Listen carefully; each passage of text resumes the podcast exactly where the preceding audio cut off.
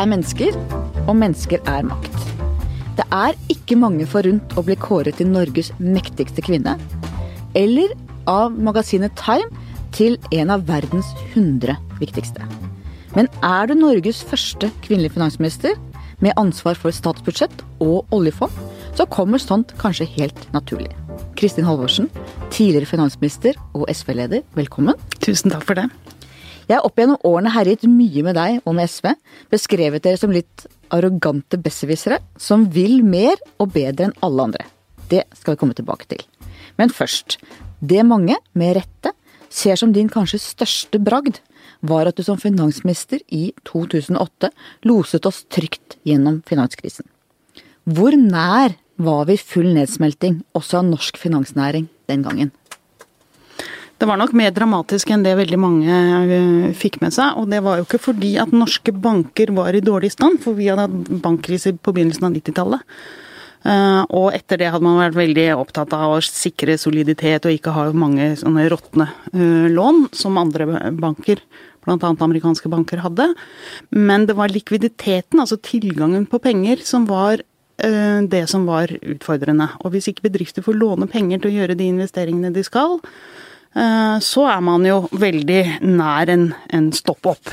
Ja, for da er det frys, og da er det ikke penger inn til bankene, og da er det ikke penger ut til næringslivet, ikke til lønninger, til å kjøpe varer. Da fryser hele økonomien, egentlig. Ja, nettopp. Sånn at det som jo blei veldig klart, det er jo at en av de viktigste infrastrukturene vi har i et moderne kapitalistisk samfunn, det er at du har et bankvesen eh, som fungerer, og som folk har, eh, har tillit til. Så vi jobba hardt for å finne en måte å sikre at bankene fikk likviditet på, hadde penger å, å, låne ut. Og det var forskjellige historier der ute, så jeg husker jeg satt og ringte rundt til ganske mange um, banksjefer rundt omkring lokalt i Norge for å høre hvordan, hvordan ser egentlig virkeligheten ut. For det var, det var liksom ikke noe statistikk eller noe som kunne hjelpe oss akkurat ting skjedde litt sånn fra time til, eh, time. Og bedriftene klaga på at de ikke fikk lån, og bankene sa at ja, men det er fordi at prosjektene deres er for dårlige. Så det er ikke gode prosjekter får lån. Uh, ja, så det var, eh, det var, en ganske krevende uh, runde. Men var du redd, eller? På noe tidspunkt? Var det sånn at du tenkte at nå kan alt ryke? Uh, det er ikke ikke, ikke sånn at jeg tenkte at dette, dette, klarer vi ikke å løse, men det som eh, var situasjonen, er at ah, denne typen krise hadde man ikke opplevd før. Så du kunne ikke på en måte si at ja, men sist gang dette skjedde, så gjorde vi sånn og sånn, og da gikk det fint. Man måtte eh, sette ned eh, kompetente folk med fantasi og kreativitet til å skjønne hva som skjer, og til å tenke hva slags type tiltak er det som, som faktisk kan løse eh, dette. Så i løpet av veldig kort tid så han som da var finansråd, altså øverste embetsmann i, Finansdepartementet, han eh, oppretta i løpet av veldig kort tid en sånn eh, gruppe som gikk på tvers av alle eh, avdelingene, og som jobba døgnkontinuerlig. Sov du noe om natta, eller? Disse ja, det var, det var ikke så veldig Det var ikke så veldig godt, det må jeg virkelig, må jeg virkelig si. Fordi det var, det var, det var krevende tider. Men utrolig givende å, å, få være med på. Det er jo noe som hun husker for livet, akkurat den stemninga. Er det det største du har vært med på som politiker? Når det gjelder liksom action og drama og Ja. Det er, det er den det, det største øh, hvor Du hadde jo norsk økonomi på skuldrene dine på et vis? Ja, ja, absolutt. Men heldigvis veldig kompetente folk. Både i Finansdepartementet og i Norges øh, Bank. Og Eh, og det er jo på en måte bare å liksom gå på. Løse problemene. Eh, det startet jo i USA, eh, og der ble jo bankene reddet, men uten at noen av banktoppene egentlig fikk noe regning for det. Mm. De hentet ut bonuser kort mm. tid mm. seinere. Hva tror du det har betydd for at de faktisk valgte Donald Trump som president nå i høst, åtte år seinere? Jeg tror at de enorme forskjellene og de økte forskjellene, og hvordan den 1% rikeste eliten klarer å sno seg unna, og hvordan det ikke fikk konsekvenser for noen av dem som faktisk hadde laga det hva skal si, pyramidespillet som gjorde at bankene i USA ikke sto støtt. Eh, jeg tror det har stor betydning. Jeg tror at den, de forskjellene og det det USA har klart i mye mindre grad enn nesten i alle andre land, det er å sikre at de store flertallet av befolkningen har fått tilgang og være med på veksten i økonomien. Sånn så er det jo tankevekkende hvor stor plass finansnæringen tar nå, hvis du ser mm. noen tiår tilbake i tid. Mm. Når selv bankselskapet Norwegian angivelig tjener mer penger på kredittkort enn på flyreiser. Ja. Det er noe som er rart. Ja. Eh, absolutt. Absolutt. Og jeg syns at eh, altså både brexit og det amerikanske valget et eh, Bør være en veldig sterk vekker for hva slags illegitimitet og mistillit det blir i et samfunn når uh, store deler av befolkningen føler at de ikke har noen som styrer seg, som bryr seg om dem, eller som tar dem med. Og du er i en situasjon hvor du ikke sjøl kan påvirke din egen eh, framtid. Uh, og, og, det gjør meg veldig mye mer oppmerksom på egentlig de verdiene som vi har hatt i de nordiske velferdssamfunnene. Vi betaler skatt, ikke alltid med glede, men med en viss forståelse. Vi ser at vi får noe igjen for det. Eh, den amerikanske drømmen er jo mye nærmere i Norge enn i, de, enn i USA. Ja, faktisk har vi større mob sosial mobilitet, som det heter. Altså at det er mulighet til å komme fra dårlig kår til toppen i Norge enn i USA. Det er jo overraskende for mange, tror jeg. Sånn. Det er overraskende for mange, men det er klart du har Lånekassa, f.eks., som gjorde at både folk som kom fra småbruk og arbeiderklassen hadde tilgang på, på utdanning. At du har et sikkerhetsnett som gjør at du faktisk kan ta sjanser her i livet. At du har en pensjonsordning som ikke binder deg til én arbeidsgiver. At du har barnehageplass og svangerskapspermisjon og alle disse tingene her som gjør at vi faktisk vi kan gjøre valg i livet som er, mm, som er nesten umulig for veldig mange eh, i USA eller andre, andre steder. Så det er, det er, utrolig viktig at vi tar vare på og utvikler videre. Mange var engstelige da SV og du tok over Finansdepartementet i 2005, da den rød-grønne regjeringa med mm. Arbeiderpartiet, SV og Senterpartiet tiltrådte. Og den samme engstelsen så vi jo da Frp-leder Siv Jensen ble finansminister i dagens regjering. Men det sitter jo en kultur i de veggene som disiplinerer selv de mest pengeglade politikerne. Siv har kanskje ikke en like påholden statsminister å forholde seg til Erna Solberg som du hadde i sosialøkonomen Jens Stoltenberg. Nå renner jo penga ut. Men like fullt, det er ikke lett å opptre helt uansvarlig i bygget over eh, gata her i VG, i Akersgata. Fortell hvordan du opplevde å komme inn i statsrådskontorene i Finansdepartementet.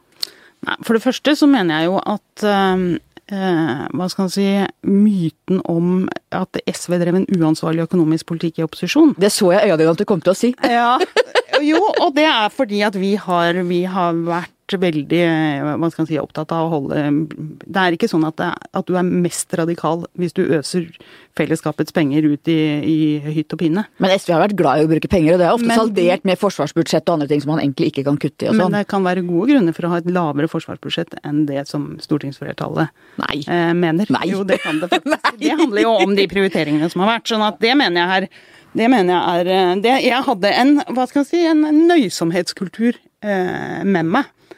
Eh, fra Hanna Kvanmos dager, egentlig. Det var ikke sånn at man skulle eh, hva skal jeg si, sløse og ikke tenke nøye igjennom hvordan, hvor viktig det var å holde orden i økonomien. Det som var uh, utfordrende i, i, Finansdepartementet, det var jo at du kommer jo inn fra opposisjon, og når du er politiker, så er det veldig lett å forelske seg i virkemidlene. Og eh, ikke tenke at ja, men virkemidlene kan jeg være litt romslig på hvis jeg bare når målet. Så jeg kom jo inn med ting som jeg mente vi skulle gjennomføre akkurat på punkt og prikke. Du ble og, mer, pragmatisk, rett og slett? Jeg ble mer pragmatisk i forhold til målsettingene. Og, eller i forhold til hvilke virkemidler jeg skulle velge for å nå de målene. For eksempel Eh, F.eks. i skattepolitikken. Hvordan er det du skal få til en skattepolitikk som betyr at du fordeler rettferdig? Hvordan skal du utforme formuesskatten, som jo er den eneste skatteformen som, eh, som sikrer at vi ikke har et stort antall nullskattytere eh, i Norge. Og det har jo nettopp med på en måte det, det fellesskapet og den tilliten du har i et samfunn, at du ser at de som har mest, også bidrar. La oss gå tilbake til begynnelsen. Du vokste opp på Herøya mm -hmm. med pappa som direktør på Hydrofabrikken og mamma som lærer. Mm. Fortell om foreldrene dine. Um, ja, jeg har jo Altså, jeg er eldst av fire søsken. Skikkelig storesøster. Ja, veldig storesøster. Så mine yngre søsken vil nå si at det var antagelig i overkant. Hvor mye jeg Er du enig i det? Ja, det tror jeg må være enig i. Så det har jeg tatt eh, selvkritikk på eh, mange ganger. At jeg har både ment og blanda meg for mye i mye av det de har eh, holdt på med. Jeg er også storesøster. Ja, nettopp. Det er bare en, ja, det er noe det er vanskelig å holde seg. Ja. Når du føler at du har ansvaret for alle. Og rett og blanda i tillegg, så er det strevsomt. Og så, har jeg noen veldig solide, eh, flotte foreldre. Som nå er 82 år, og som bor i Porsgrunn eh, fremdeles. Og som har eh, meninger om mye, og som jeg diskuterer mye med. Er de SV-sympere, eller? De har vært veldig støttende så lenge jeg har vært i, i politikken. Det har de. Eh, virkelig. Men når jeg var ung og blei politisk aktiv, så var jo det i mye opposisjon. Kasta du poteter med saus på faren din? Er det Ja, sant? særlig han visste akkurat hvordan han skulle erte opp en eh, rebelsk eh, datter med, hva skal jeg si, harde meninger. Så Skjedde det gikk- ofte, eller? Det med sausen og potetene? det skjedde ganske ofte. Jeg hadde en egen teknikk hvor jeg kunne legge sånn saus med poteter eller eh, erter eller hva det måtte være, og så smelle i, i skjorta på den over, over middagsbordet. Og jeg klipte over hydroslipsen hans, for jeg mente han var prostituert når han gikk rundt med hydroslips. Og- Hvordan tok han dette? Nei, det var ganske, det var ganske turbulent uh, til tider. Men, men i en, hva skal man si, tone Altså, det var ikke dramatisk hos oss om det gikk noen diskusjoner litt eh, høylytt. Det var det ikke. Og så har jeg jo en veldig sterk eh, mor. Med, med veldig sånn eh, støttende i forhold til sine tre døtre og en sønn. Sånn at mye av den, liksom å stå på meningene dine og stå opp for det du tror på, og sånn, har jeg jo fra dem begge, men også ikke minst fra henne. Eh, Du var speidleder i Mm. KFUK. Japp. Ja. Ja, det har vi eh, Vi har sterke speidetradisjoner i eh, familien. Og jeg har kunnet de fleste knoper og tatt de fleste merker. Og vært meisemor for sånne utrolig søte små eh, speiderjenter. Og så gikk du på søndagsskole. Så jeg gikk på søndagsskolen. Det er helt riktig. Tror du på Gud? Jeg, jeg tror ikke på en, si, en gud som styrer eh, alt, men, eh, men jeg har vel et, eh, et livssyn som har gjort at jeg er medlem av, av statskirken. Statskirken heter det. Ja, Nå heter det Den norske kirke. for nå er det Den norske kirke. ja. Jeg er medlem av Den norske kirke og deltar i valgene. Fordi jeg syns det har stor verdi at det er en romslig eh, kirke, og da må vi som mener at det skal eh, være det, eh, delta.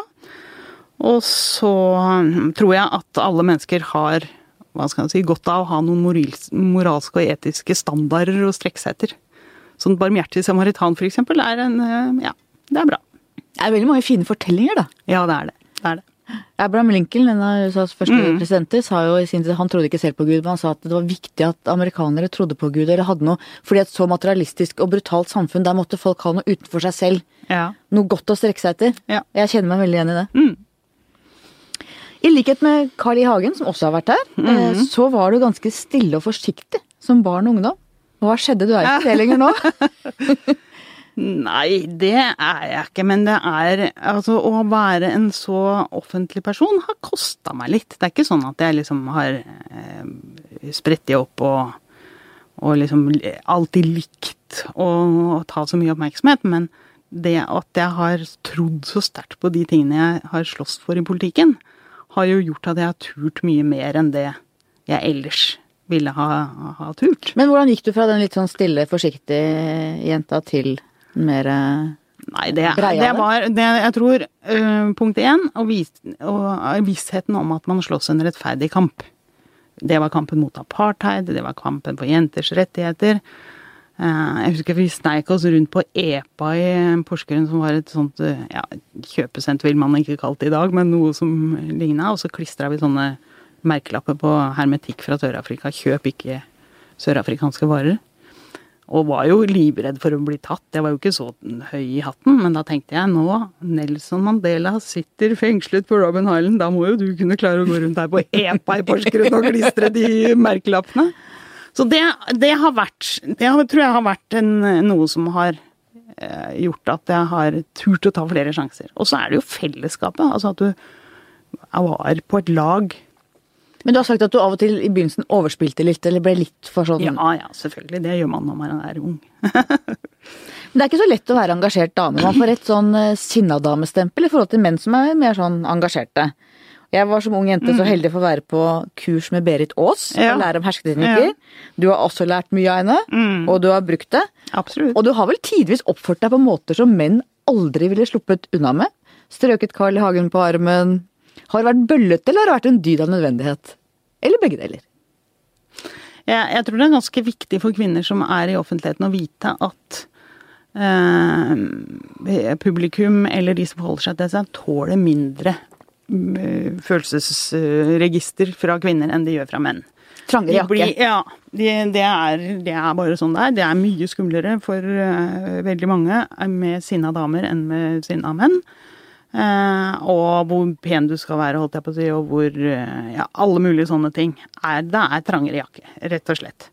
Og så er det jo noe med å tenke at sånn er det, og så også tenke at det må du faktisk eh, blåse i eh, noen ganger. Da er det jo viktig at du har folk rundt deg som ser noe av det samme, og liksom er innforstått med hvilke spilleregler fins, og når må du bryte dem.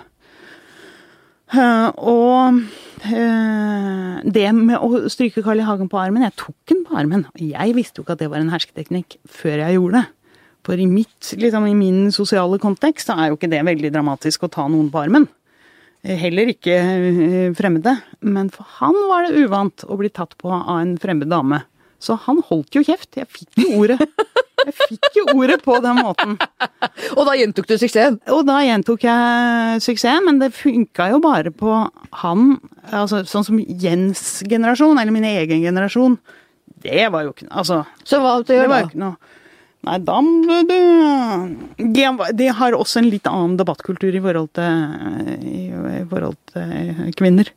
Så det var litt, litt Det var liksom litt mer på like Eh, vilkår i utgangspunktet. Jeg bare husker etter, eh, etter at eh, prinsesse Märtha Louise gifta seg med Ari Behn, mm. så kasta man terninger på kjolene her i VG. Ja. Da husker jeg jeg ble så forbanna, så jeg skrev en kommentar som het 'Kjolepolitiet'. Ja. Og jeg harva over min egen avis og endte i Dagsnytt 18-studio med vår kjoleanmelder. Men ja. da var mitt utgangspunkt at det skal jo ikke være sånn at kvinner går ikke inn i politikken for å bli vunnet på kjoler. Mm. Kvinner går inn i politikken for å gjøre en jobb, og jeg syns det var utrolig urimelig at vi dreiv mm. og En ting er å si at den kjolen var fin, men det å på en måte gi dårlig karakter på en dame som har pynta seg for hun skal på ball, det syns jeg var helt utidig. Ja, det er, men det mest paradoksale er vel kanskje disse eh, Norges Bank-middagene. Der husker jeg at jeg fikk noen elendige terningkast på en kjole en gang. Og det, det er akkurat som du tenker at ja, hun har nå vært på spa hele dagen. Og så har hun tenkt nøye igjennom hvilken kjole hun skal ta på seg. Og i tillegg rakk hun både frisør og manikyr. Mens en dag, hvis du er finansminister og det er Norges Banks årstallet, da har du jobba som en helt. Det er bare flaks at du har kjole på deg, liksom. Og så, da blir det, det blir helt Det blir jo helt paradoksalt. Men ble du lei deg av dårlig Nei, nei. nei, nei. Du klarte å Nei, ja, nei. Det gjorde jeg ikke. Du har sagt en gang at du egentlig har for mye tvil i deg til å være politiker. Utdyp det. Um, ja, altså det hender jo ofte at jeg har måttet på en måte tvile meg fram til et standpunkt. Jeg syns ikke det er så lett å bare overta noen andre standpunkt og så gå rett i krigen eh, med det, og da gjør du ikke noe særlig god jobb mm, heller. Fordi i hvert fall jeg, og de fleste andre også, er jo mye bedre til å overbevise andre hvis de slåss for noe de virkelig tror på og syns er viktig og, og vesentlig. Um, jeg må bare spørre deg ja. som veldig overbevist, ja. men var du noen gang i tvil om ditt EU-nei? Litt? Nei, jeg var ikke i tvil om selve standpunktet, men jeg var veldig ukomfortabel med en del av argumentene for, mitt eget, nei, altså for det standpunktet som jeg delte. Og det kan jo i noen sammenhenger gjøre at du tenker nei, i all verden. Land og rike. Eh, dette blir, dette blir for trangt for meg, eller det blir for snevert, eller jeg, jeg, jeg, ja. Egentlig burde vi nå ta en stor debatt om internasjonal løsning på klima også, men det lar vi ligge. For så ble du altså SV-leder, selv om du hadde den tvilen i deg. Ja. Og du ble valgt på landsmøtet i 1997 Ja. med stormende jubel, og med en vedtatt politikk som var langt fra det du ønska deg.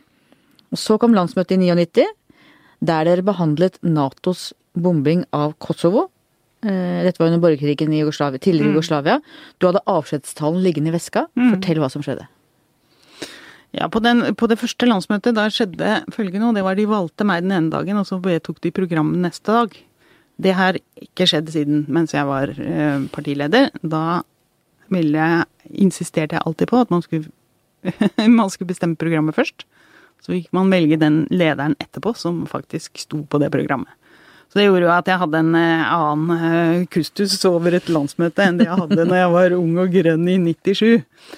I 99, det var jo en veldig, det var jo en veldig sterk lærepenge for meg. fordi at der hadde stortingsgruppa, flertallet i stortingsgruppa hadde gått inn for at vi skulle støtte trusler om militært eh, bruk mot Serbia. Eh, fordi de holdt en ja, stor Hva skal man si Hele befolkningen i Kosovo som, som gisler, og flyktningkrisen var et faktum midt i, eh, midt i Europa. Og det var partiet uenig i. Eh, Og, og det, vi kunne ha blitt et splitta parti på det landsmøtet. Det er helt riktig at jeg den, hadde den eh, talen i, i veska. Den har jeg forresten ikke funnet seinere, den burde jeg jo hatt. Men jeg tenkte ikke at det var et så historisk tidspunkt akkurat da.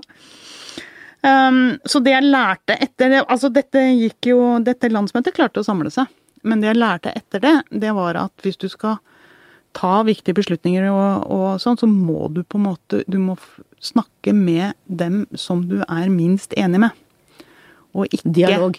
Ja, og du må Ikke fordi at du skal overbevises eller skifte standpunkt, men både fordi at de kan ha ting å komme med som du ikke har tenkt eh, skikkelig over. Sånn at det er, det er viktig. Men også, og, og, men også fordi at det er lett Det er lett å eh, på en måte gå for mye blant de som er mest enig med eller tenker likest med fra før, og da får du ikke tilstrekkelig med forankring og tillit i stor nok bredde. Så jeg, jeg tror ikke at jeg hadde klart å være en SV-leder som brakte SV i en regjeringsposisjon, hvis jeg ikke hadde hatt med meg den eh, lærdommen som jeg fikk fra den Kosovo-grisa i 1999. Men du var fryktelig sliten. Du har fortalt at håret falt av i Ja. store dotter. Det er ganske heavy. Ja, det var ganske, det var ganske slitsomt. Mm. Vurderte du noen gang å bare slutte? Jeg, jeg visste at uh, det kunne komme et punkt uh, på det landsmøtet som gjorde at jeg måtte gi meg. Men du lyktes, som du sa sjøl, til slutt med å få SV faktisk inn i regjering. Du var en av gudmødrene for det rød-grønne regjeringsprosjektet, ledet av Jens Stoltenberg. Hvor vil du si at det rød-grønne prosjektet står i dag? Jeg mener at de åra fra 2005 til 2013 har vært utrolig viktige, framgangsrike, gode år for Norge. Jeg er veldig stolt av å ha vært med eh, på det. Jeg er stolt av at vi kom oss gjennom finanskrisa, men barnehagereformen hadde jo ikke blitt noe av. Hvis ikke vi hadde eh, tatt Altså prioritert alle de milliardene som skulle til for at barn skulle få en skikkelig barnehageplass, og det er kanskje noe av det viktigste man gjør i et samfunn, det er å sørge for at flest mulig barn får en, en god start. Vi fikk den fordelingspolitikken som gjorde at forskjellene gikk ned. Ja, det var mange ting. Og vi hadde en, si, en veldig sterk drive og idé. Jeg vil si særlig de første, særlig den første fireårsperioden. Men SV kom jo ikke så heldig ut, da. Hvis du ser, Jeg skrev en kommentar da dette begynte, med en formulering som jeg var veldig fornøyd med og stadig gjentar. At det Arbeiderpartiet må ha tenkt var, for da var SV veldig store. If you can't beat them, join them, er jo det gamle. Men jeg sa at det Arbeiderpartiet tenker er if you can't beat them, eat them. Og på et vis var det jo det de gjorde, for nå er det jo rundt sperregrensa, og de gikk jo veldig nedover. SV ble jo et mye mindre parti av det. Du kan si at SVs størrelse og suksess henger sammen med hva slags form Arbeiderpartiet er i. Eh, Og når vi gjorde vår beste valg i, i eh, 2001 og 2003, så var, hadde Arbeiderpartiet og Jens Stoltenbergs første regjering gjort at de kom skikkelig på kant eh, med velgerne. Ikke var i stand til å mobilisere velgere på venstresida. Og vi og jeg og SV var, vi var selvfølgelig veldig gode, nei. Men det hang også sammen med. ikke sant? Det er veldig ofte at man tror at um, at en definerer det landskapet man er i sjøl, og det gjør du ikke. Du forholder deg til, og særlig SV forholder seg til um, Arbeiderpartiet, fordi våre velgere ofte skifter mellom SV og, eh, og Arbeiderpartiet. Og hva skiller egentlig deg fra Arbeiderpartiet? Altså, jeg har alltid tenkt at SV er egentlig Arbeiderpartiet minus makten. Utenrikspolitikken selvfølgelig er jo SV tufta på, men der har jo veldig mye endra seg eh, langt på vei. ikke sant? EU er nå uaktuelt. Eh, etter kalde krigen så falt det sikkerhetspolitiske mye bort. Så hva er egentlig som skiller deg fra Arbeiderpartiet eller fra Jens Stoltenberg nå, politisk? Ja, vil, ja, altså noe av, vi, noe av, det som vi, hadde størst uenighet om mm, mens vi samarbeida i det rød-grønne samarbeidet, var jo klima- og miljøpolitikken. Og det vil jeg si er den, den, viktigste saken som jeg jo nå jobber med på uh, heltid, hvor vi må ta dristigere valg enn det, enn det vi gjør. Den, vi skal snakke om klima etterpå. Ja, mm, men jeg vil si at det er det. det er den, hvis jeg skulle si et sak eller et område, så vil jeg si at det er den. Men det er jo et spørsmål om virkemidler og tempo, ikke en ideologisk skille. Det er ikke jo. sånn at Arbeiderpartiet sier at det er ikke menneskeskapt eller vi tror ikke på klimaendringer. Det er snakk om virkemidler jo, men det er jo, en, det er jo noen verdistandpunkt hvor du må ta litt andre Du må ta litt andre valg. Du må sette noen andre verdier foran kortsiktig økonomisk vekst. Uh, Lever sosialismen fortsatt i Norge? Jeg tror ideen om et samfunn med stor grad av like muligheter Ehm, den eh, lever. Så til den virkelig nerdedelen ja. av vår samtale. Lytterne er herved advart. Bioteknologi, gentesting, eggdonasjon, surrogati. Du er leder for Bioteknologinemnda, som rådgir regjeringa mm. disse vanskelige spørsmålene. Og du har jo ofte vært mer tilbakeholden og mindre liberal enn SV har vært i sånne spørsmål. Hele loven skal opp til vurdering nå til våren. Mm. Først må vi forklare hva eggdonasjon er. Vil du ta den jobben? Eggdonasjon, det er at eh, en kvinne gjennomgår en hormonbehandling og henter ut egg. Um, som doneres videre til en kvinne som selv ikke har egg som gjør at hun kan bli en biologisk mor. Og surrogati, hva er det? Surrogati det betyr at man får en annen kvinne til å føde et barn for seg. Det kan være med ens egen egg og sæd, men ofte er det med, med, egg også donert fra en annen.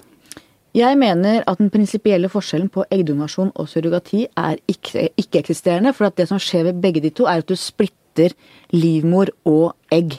Mm. At prinsipielt, hvis du åpner for eggdonasjon, så har de i prinsippet også åpnet for surrogati. For da sier du at en annen kvinne enn hun som bærer egget, bærer barnet. Er, det, er du enig i det? Nei, det er jeg veldig uenig i. Og det er fordi at surrogati det innebærer at en annen kvinne går gravid og føder et barn på dine vegne eller på andres vegne. Eh, og det er ikke noe som er så farlig for kvinner å gjøre uansett hvor i verden de bor, som å gå gravid og føde et barn. Men sett fra barnets ståsted, så er det jo fortsatt at det er to ulike mødre, eggmor og livmormor. Hvis du har barnets ståsted, så er det jo, men du det samme. Ikke, du kan ikke uh, Altså, å, å, gå gravid i ni måneder og gjennomføre en fødsel, det er noe helt annet enn å uh, Hva skal man si Å bare splitte uh, forholdet mellom å være sosial eller biologisk mor i form av å føde et barn, og den gen genetiske moren. Grunnen til at jeg er veldig klar imot surrogati, det er at jeg mener det er uetisk å sette et, en annen kvinnes eh, liv og velferd eh, under en så eh, stort hva skal jeg si, en såpass krevende, farlig eh, situasjon for et resultat som hun selv ikke har eh, interesse eh, av. Dette er et veldig kynisk internasjonalt marked. Det er mer regulert og mindre hva skal man si, farlig i noen deler av verden, og ekstremt kynisk og farlig i andre deler av verden. Og vi har ganske mange eksempler på også at Uh, ja, foreldre som har uh, bidratt til, til, surrogati, ikke har tatt imot det barnet som har kommet. Ja, det er, en, det er et, et, ekstremt kynisk marked. Men du er også skeptisk til eggdonasjon? Ja, når det gjelder eggdonasjon, så har jeg vært i det eh, den situasjonen i Bioteknologirådet at jeg har gitt en viss åpning for eh, eggdonasjon. Og det er, det er flere måter å nærme seg den diskusjonen på. For der har du vært i bevegelse. Jeg har vært i bevegelse, men jeg tenkte jeg bare skulle liksom forklare det standpunktet. For dette er en utrolig vesentlig eh, debatt som veldig mange har interesse av. La meg bare si én ting først, og det er at når man diskuterer bioteknologi, så er det alltid sånn at det er mange mennesker som er veldig sterkt berørt av noen av de temaene vi eh, diskuterer.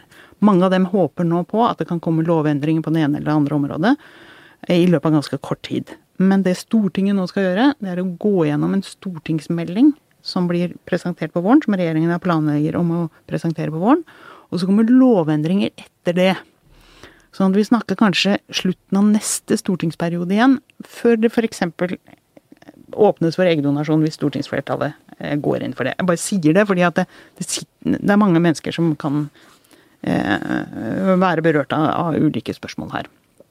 Sæddonasjon har vi hatt i mange år. Det er ikke vanskelig. Det er ikke noe teknologisk vanskelig. Det er ikke noe biologisk vanskelig.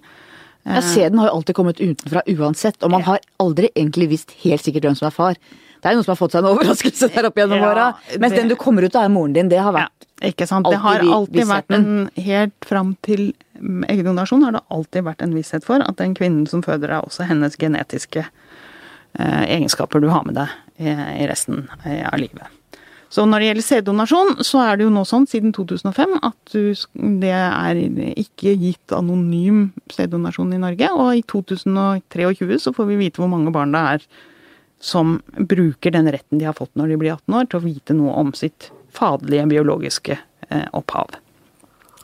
Når det gjelder eggdonasjon, så, så er det jo den diskusjonen som du nå drar opp. Hva gjør vi når vi skiller mellom et egg som fra naturens side tilhører den som øh, føder deg, som går gravid med deg, og som føder deg? Gjør det noe i forhold til hvordan du tenker om hvem du er? identitet osv. Eh, det er det vanskelig for å vite noe om. Det er gjort noe internasjonal forskning på dette som ikke tilsier at det er noe dramatisk for mennesker å vokse opp med. Men vi vet jo ikke sikkert, og det er ikke det er, det er ikke mye forskning, og, vi, og det, er, det kan være um, ulike um, måter individer um, oppfatter en sånn eh, utfordring eh, også. Det man vet hvis man er unnfanget ved assistert befruktning, det er at de foreldrene ønsker deg sterkt. Det er det ikke alle barn som vet. Så til syvende og sist, når jeg skulle gå gjennom argumentene på dette, så, er, så tenker jeg at ok, men disse barna de vet at de er sterkt ønska. Det, det, er et pluss i livet. Og alle mennesker får noen ulike utfordringer eh, i livet. Så la oss si det er innenfor rekkevidde å håndtere. Det som jeg syns er et dilemma i den saken, det er klart at Og det er noen leger som, som har blitt eh, veldig opprørt over det eh, forslaget vi kom med til slutt, eller som flertallet samla seg bak til slutt. Og det er selvfølgelig fordi at det er egg fra unge kvinner som det er det du lykkes mest med. Jeg syns det er vanskelig å se for seg at man skal oppfordre unge kvinner til å gjennomgå en hormonkur hente ut egg, eh, gi dem til en annen kvinne. Og vi kan jo risikere at dette er kvinner som sjøl seinere i livet ikke opplever å kunne få egne barn. Et eller annet skjer. Um, og, eh, og det, har, det, er ikke noe fysiologisk begrunnelse, holdt jeg på å si. Det er ikke veldig stor risiko rundt å, å gjennomgå en sånn hormonbehandling eller, å hente ut de eggene. Men jeg tror den skal være ganske reflektert rundt hva slags situasjon man kan komme opp i seinere i livet, for å håndtere de mer følelsesmessige sidene av den saken. Så det som til slutt fikk flertall i Bioteknologirådet, det var at de kvinnene som er gjennom assistert befruktning sjøl, de er jo gjennom en sånn type hormonbehandling for sitt eget, ut fra egne interesser. Men eh, ganske mange av dem er det fordi partnerens sæd er av dårlig kvalitet, ikke fordi deres egne egg er av dårlig kvalitet. Og hvis man åpner for at de kan donere de eggene de har til overs etter sin egen behandling, så kan det gi åpning for eh, hjelp til kvinner som er barnløse i dag, og som ikke ville fått noe tilbud. Dette er egg som ellers ville blitt destruert. Uh, ja, sånn at det, dette er på en måte litt sånn typisk eksempel på Dette er vanskelig, krevende spørsmål. Det gjelder kanskje 200 kvinner i Norge uh, per år. Uh, det er Vi flytter noen grenser i det øyeblikket du nettopp bryter liksom sammenhengen mellom egget og genetikken og, og livmor. Jeg mener at det er da du åpner for surrogati. Jeg mener at det er det prinsipielle steget, er det skillet mellom biologisk mor og genetisk mor, altså mellom hun som bærer frem barnet og hun som gir egget. At mm. det er, Da har du tatt skrittet, mener jeg det er mye lettere å gå over til surrogati. For det er det som er det store spranget. Men hvis du da, la oss si, tenker motsatt, hvis du tenker at eh, du skulle åpne for at kvinner som uh, bærer fram et barn som hun umiddelbart vil gi fra seg etter fødselen, men med sitt eget egg, så vil du jo være i samme situasjon som dilemmaet rundt surrogati er i dag. Nemlig at en, du betaler en annen kvinne for å gå gravid for deg og føde et barn. Bortsett fra at det er et, hennes eget egg. Jeg mener ikke at den prinsipielle skillelinjen ligger der. Jeg mener at den prinsipielle skillelinjen i forhold til surrogati, det dreier seg om hva slags eh, risiko og marked du, eh, du oppretter rundt å bære fram barn og føde barn. Men det tror jeg er en veldig teoretisk eh, situasjon, at en kvinne skal bli gravid med sitt eget egg og gi bort. Da gir hun bort sitt eget barn. Det er klart, det har du. Du har adopsjon. Det er jo ofte by accident. Det er jo folk som blir ufrivillig gravide. Dette er jo ikke gravide. teoretisk. Dette er jo jo, men At man skal gi bort sitt, et barn og gi bort sitt eget barn. Mm. Jeg tror det er mer teoretisk enn hvis du snakker med disse surrogatmødrene i India og sånn. Flere har mm. intervjua dem, så sier jo det nei, men det er jo ikke mitt barn. ikke sant? For da er spørsmålet hvis disse barna mm. som er født ved surrogati, går til sine sosiale foreldre, mamma og pappa, mm. og sier 'hvem er min biologiske, eller hvem er min egentlige mamma', mm. så vil de peke på hun som bar fram barnet. I USA eller India eller hvor det er, mm. og si at det er din egentlige eh, mamma. Men hun vil jo da, det har jo intervjuet vist, hun vil jo si at nei, jeg er ikke din mamma, jeg mm. bare bar deg fram. Mm. Så det barnet vil aldri kunne finne fram til hva skal si, morsrøttene sine, da. Jeg tenker du har et veldig sånn voksenperspektiv på de kvinnene som ikke kan få barn, kvinnene som gir egg. Mens min inngang i denne debatten, og jeg, har, jeg er en av de få som har skrevet mye om dette og vært opptatt av det, er barnets situasjon. Og vi vet f.eks. adoptivbarn som ofte leter etter røttene sine, at det har en del problemer ved seg. Mens adopsjon er en veldig, veldig fin ting, for det er barn Det er en ulykkelig situasjon. Mm. Barn som er født og som ikke har noe til å ta vare på seg, og så mm. voksne som veldig gjerne vil bli foreldre, og så møtes de. Det er jo veldig vakkert og flott. Mm. Mens når du har surrogati og eggdonasjon, så er det jo med viten og vilje at samfunnet sier at vi vil skape barn på den måten. Og kanskje da få barn som vil lete etter sine røtter, eller få den type problemer med viten og vilje. Det er det mm. som er min, min, innfallsvinkel til dette, da. Men jeg er enig i at det er spørsmålet rundt øh, eggdonasjon som er vesentlig å diskutere. Det jeg ikke er enig i, er at hvis du åpner for eggdonasjon, så er liksom neste skritt at du åpner for sur surrogati. Spørsmålet er jo hvor stor betydning hvor stor betydning vil det ha for de som ø, vokser opp. Og det som Bioteknologirådets flertall, eh, eller egentlig enstemmig, har vært opptatt av det er På flere områder har vi vært opptatt av barns rettigheter enn det som har vært liksom, situasjonen i bioteknologiloven ø, fra før.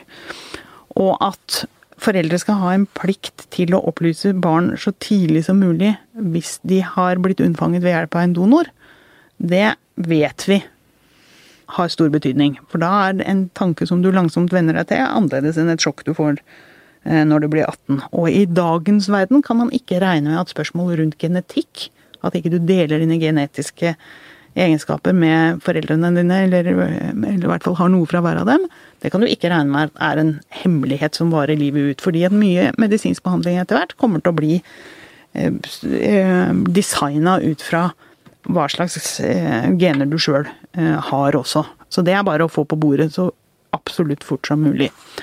Da er jeg ikke sikker på altså Noen av disse diskusjonene hadde vi også rundt spørsmål om homofile og barn, og lesbiske og barn.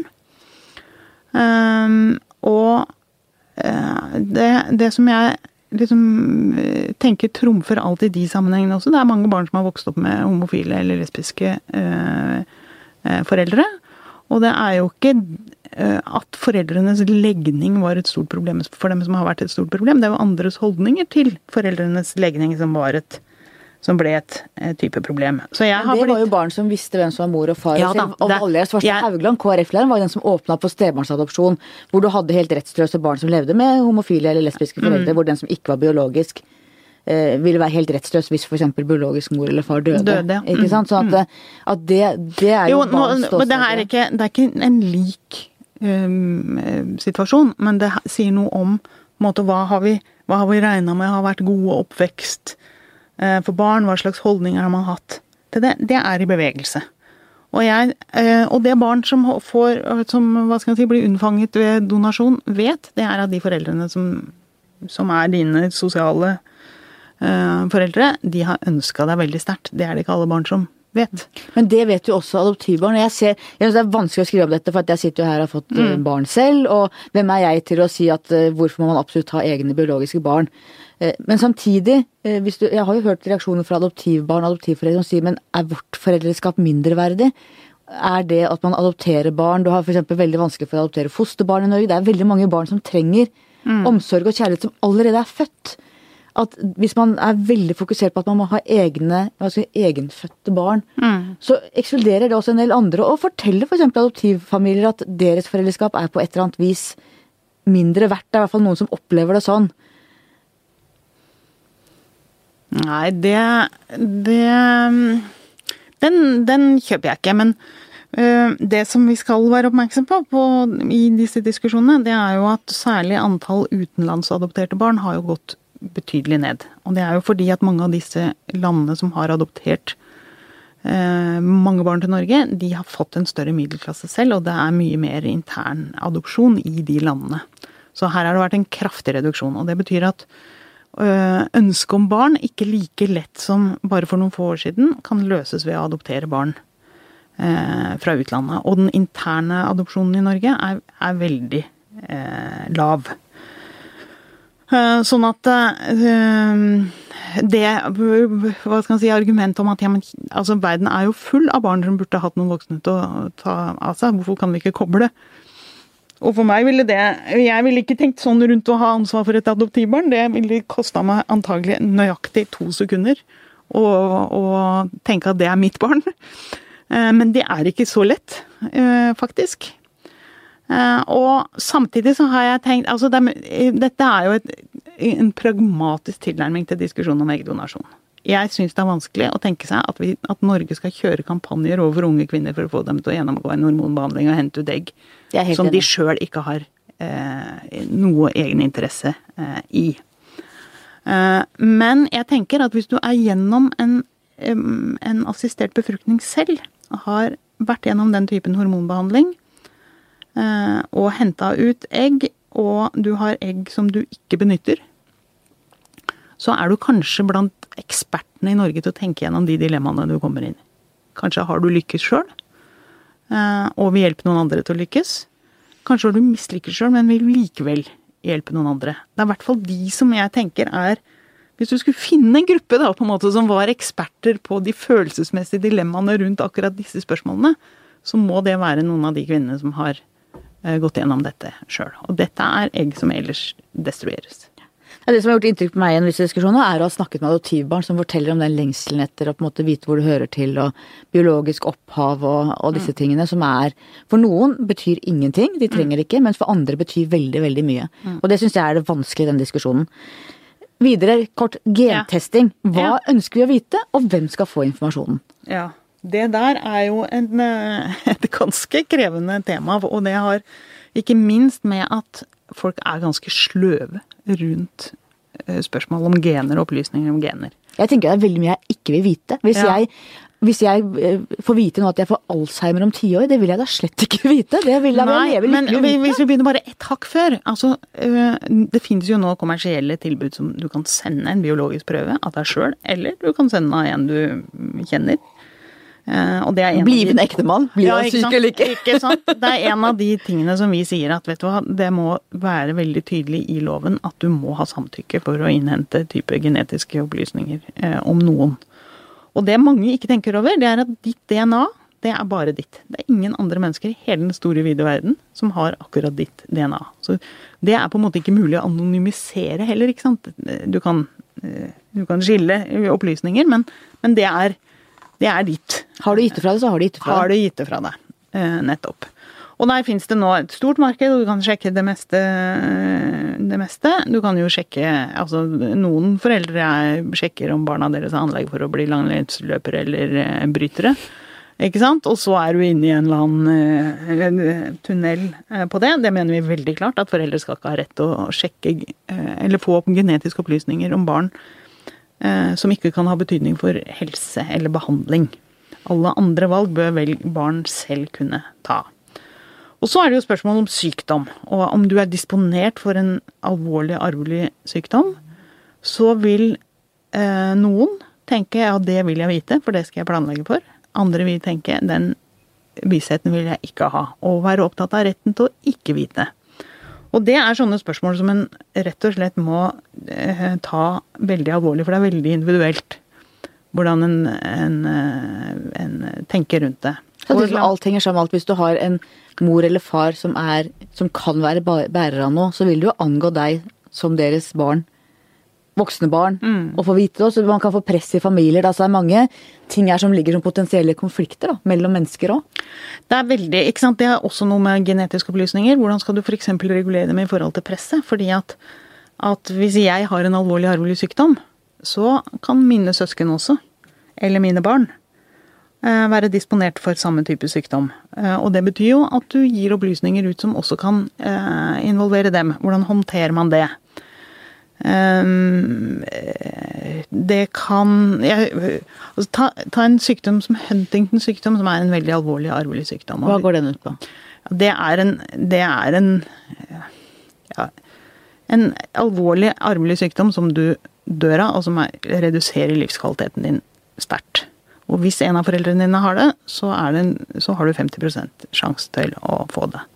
Det er en forening som ivra sterkt for at du skulle ha muligheten til å teste seg og få svar på om de var bærere av det. Og det var det ganske brei enighet eh, om at de skulle få, og det fikk de. Men når du ser på hvor mange som faktisk har brukt muligheten til å finne det ut, så er det mye lavere. Det er Og da, da er vi jo nettopp inne i den, i den diskusjonen. Og jeg fikk en henvendelse fra en, eh, fra en mann mens vi holdt på med den diskusjonen, som hadde testa seg, som hadde små barn, som fikk visshet om at han kom til å bli syk.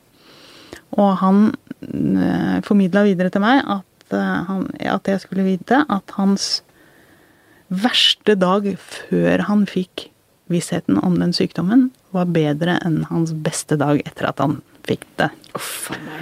Ja, og det, det, er, det er ekstremt eh, krevende. Dette er en sykdom du ikke kan gjøre noe med.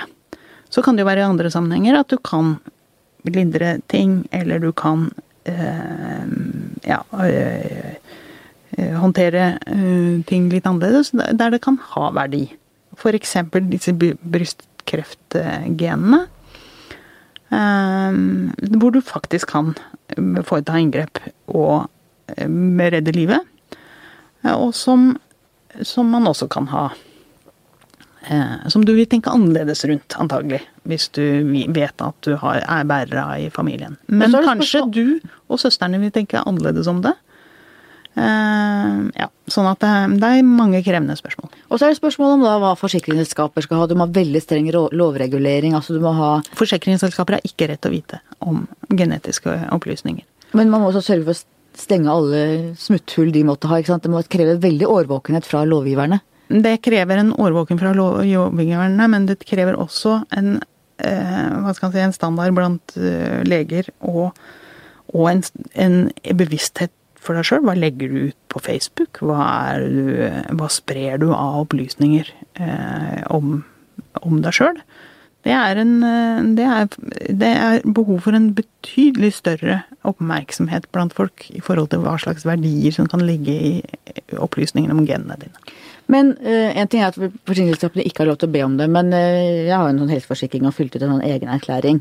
Hvis jeg da hadde visst at jeg hadde, var disponert for en sykdom, måtte jeg da oppgi det? Eller, for du skriver under på at du er frisk og ikke Du skriver under på, under på sykdommer som du har, men du har ikke plikt til å opplyse om den typen. Eh, hva skal man si? Eh, uh, genetisk disponerbarhet. Men øh, ja.